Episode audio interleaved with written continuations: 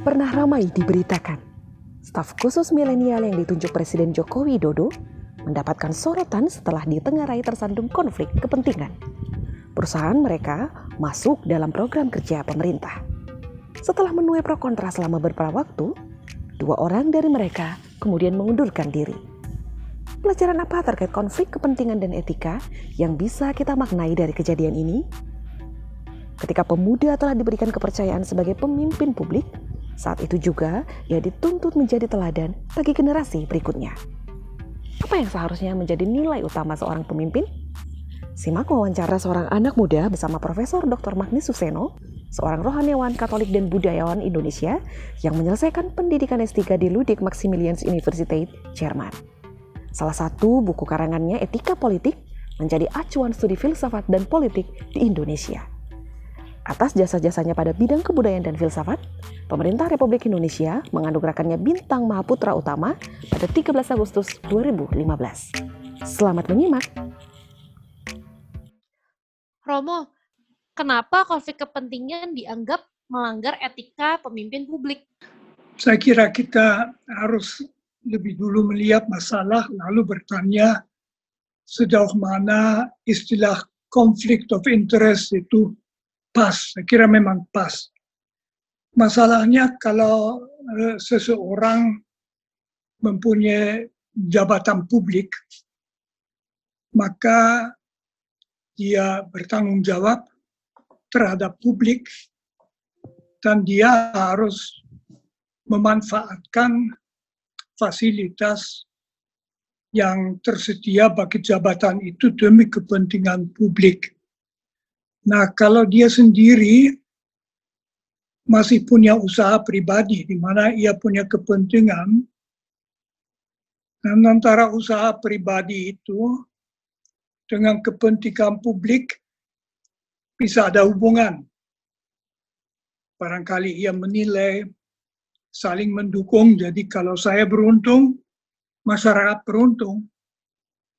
Bisa juga orang tidak peduli mengatakan saya pokoknya mau beruntung masyarakat tidak rugi. Nah ini yang disebut konflik kepentingan dan ini sebetulnya sesuatu yang harus dihindari karena mengganggu kemampuan untuk cara secara objektif mempertimbangkan dan menemukan apa yang perlu jadi sebaiknya seorang pejabat itu melepaskan segala kepentingan pribadi yang bisa mengganggu eh, katakan saja objektivitas atau keteraran pada publik dalam pengambilan keputusan itulah.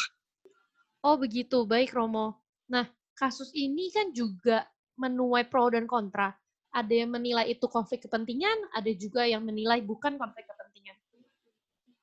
Menurut Romo, mengapa ya sebagian orang menganggap bahwa apa yang terjadi pada status ini bukan konflik kepentingan? Sebetulnya masalahnya adalah pejabat publik juga, misalnya seorang menteri, misalnya umpamanya menteri pendidikan, secara pribadi sebelum menjadi menteri punya perusahaan yang memproduksikan alat-alat yang bisa dipakai dalam pendidikan, maka dia secara etis terlarang untuk eh, memberikan suatu pesanan resmi sebagai menteri dalam rangka pendidikan kepada perusahaannya dan mungkin malah harus harus melepaskannya. Itu tentu juga berlaku bagi eh, para penasehat-penasehat muda yang dipanggil oleh Presiden Joko Widodo untuk memberi katakan saja nasihat dan pemikiran yang segar tidak boleh mereka itu beruntung pribadi daripadanya misalnya dalam suatu perusahaan yang mereka miliki. Jadi harusnya itu jelas. Nah, bagaimana pandangan Romo kalau konflik kepentingan tersebut diperhadapkan dengan tujuan yang baik dan mulia, Romo? bukan untuk kepentingan diri pribadi orang tersebut.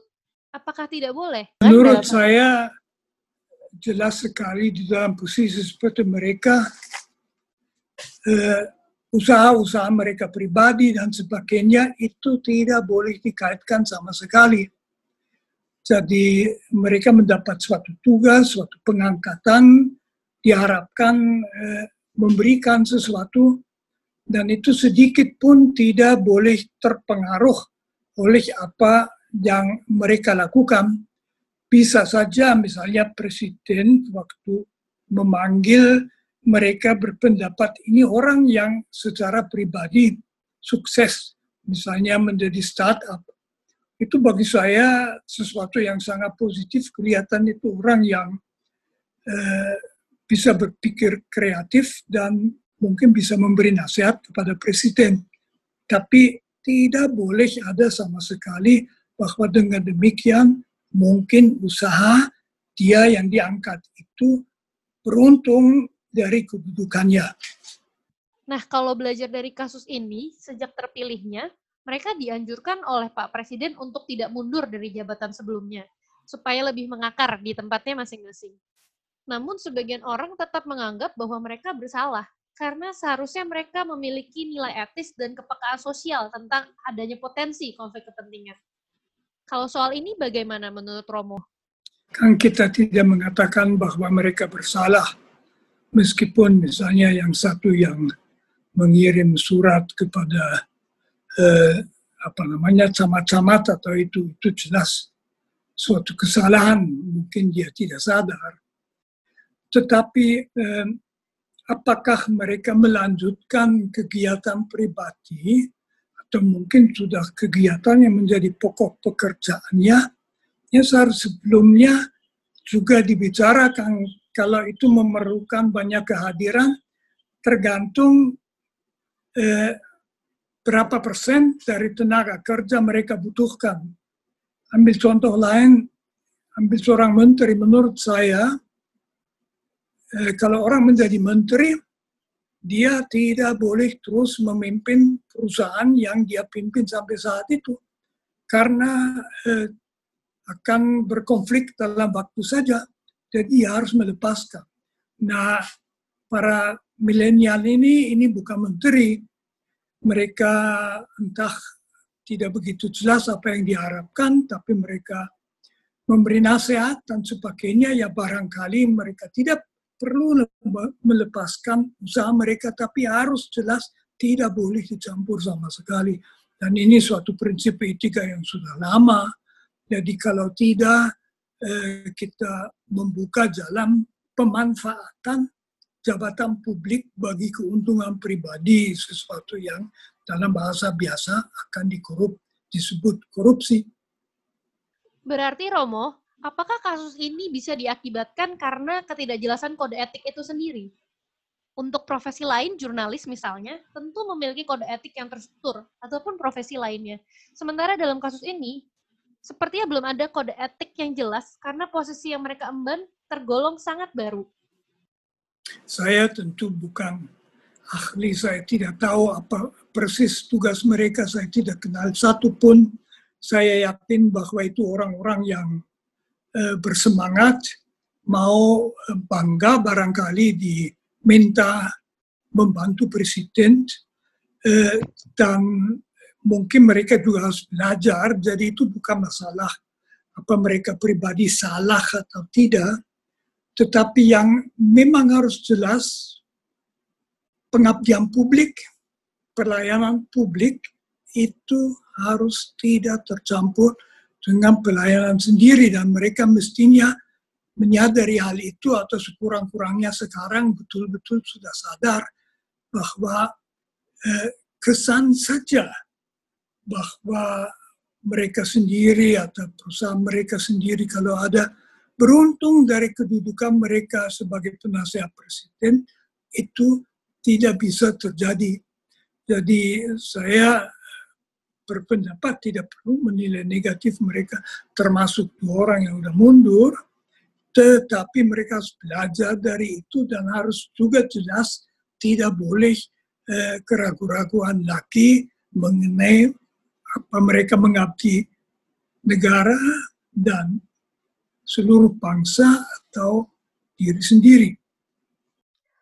Romo, sebagai pemimpin mungkin kita pernah melakukan kesalahan bahkan pelanggaran etika. Nah, pelanggaran tersebut itu sebenarnya kepada siapa ya Romo? Apakah diri sendiri atau bagaimana? Saya kira kita juga harus membedakan. Jadi dalam kasus yang kita bicarakan, itu orang-orang muda yang masih harus belajar. Saya harap mereka sekarang belajar. Tapi kalau tidak bertindak etis, tentu itu bersama dengan mengatakan tidak bertindak semestinya jadi tidak sesuai dengan keharusan-keharusan etis di dalam bidang pekerjaan itu. Karena itu begitu banyak profesi mempunyai etika profesi yang merumuskan tantangan-tantangan etis yang bersalah itu pertama-tama eh, berarti melanggar suatu norma. Jadi itu suatu pelanggaran pelanggaran itu bisa uh, menjadi pelanggaran uh, hukum dan kalau begitu akan akan menjadi perkara pengadilan. Tetapi misalnya konflik kepentingan itu bukan langsung suatu pelanggaran hukum kalau tidak ada undang-undang atau aturan yang melarang itu, tetapi uh, umumnya akan ada misalnya di kode etik ditulis bahwa situasi konflik kepentingan itu tidak boleh dibiarkan, harus dihapus. Jadi tentu orang yang berlaku tidak etis sendiri harus kita bedakan. Kalau dia tidak sadar bahwa itu tidak etis, misalnya di dalam tindakan kepentingan itu, dia eh, sebetulnya merasa tidak merugikan masyarakat dan sebagainya, ya dia sendiri secara etis tidak bersalah, tetapi dia harus belajar. Dia harus belajar bahwa itu tidak etis. Kalau dia kemudian tidak belajar, memang bersalah, dan kalau dia sudah tahu, tetap melakukan, dia juga bersalah. Jadi perbuatan pertama itu bisa objektif tidak etis, karena eh, memakai kepentingan umum untuk mendukung kepentingan sendiri, tapi belum tentu merupakan suatu kesalahan pribadi orang yang bersangkutan. Mungkin karena itu beliau itu mundur untuk menyatakan saya sama sekali tidak sadar akan hal itu dan sekarang saya melihatnya saya mundur. Romo, jadi mengapa penting sekali para pemimpin muda paham soal etika? Kita akan amat mengharapkan bahwa kita semua dan jelas generasi muda, apalagi generasi yang ingin membawa Indonesia ke masa depan industri 4 dan sebagainya, mempunyai suatu pengertian bukan hanya perasaan, pengertian etika yang tepat. Etika publik, etika politik, etika profesi.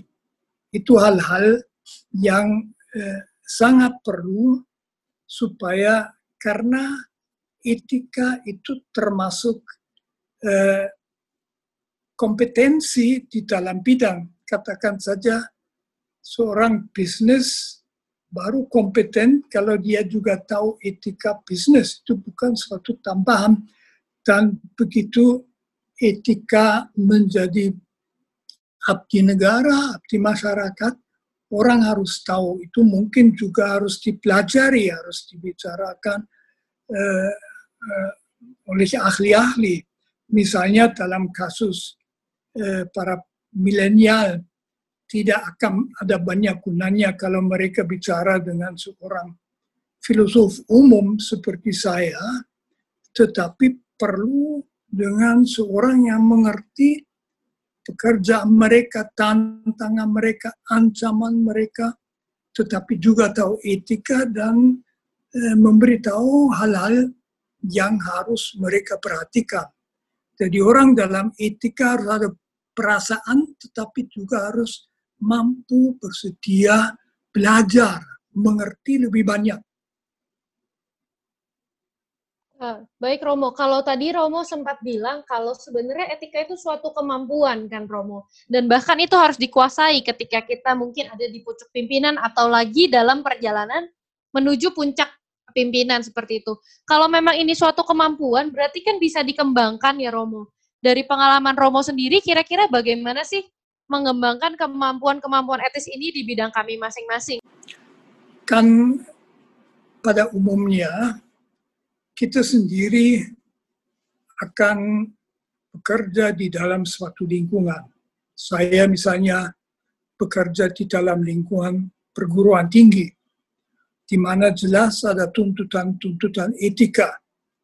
Etika dalam kaitan dengan pengajaran, dengan penelitian, etika juga kalau kita menjabat sesuatu dalam hubungan dengan karyawan dan sebagainya.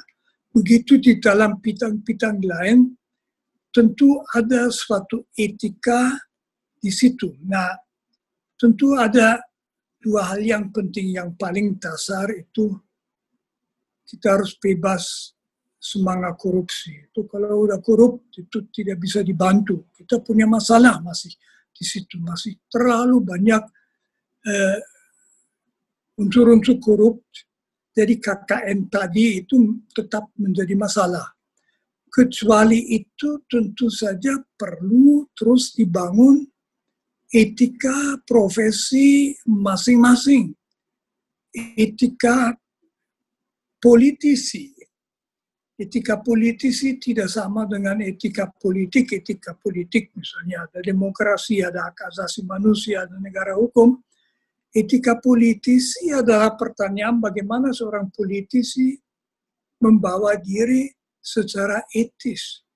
Bagaimana seorang menteri, seorang penasehat presiden yang dibayar, seorang wakil rakyat membawa diri. Itu pertanyaan etika politisi. Itu pun sesuatu yang harus disadari mungkin juga dipelajari Bahkan kasus-kasus harus dipelajari dan itu dari mereka yang tahu. Warga negara, pastikan Anda menyaksikan episode selanjutnya yang membahas lebih jauh mengenai etika dan kepemimpinan publik. Masih bersama Profesor Dr. Magnis Suseno. Jangan lupa subscribe untuk mendapat notifikasinya. Sampai jumpa.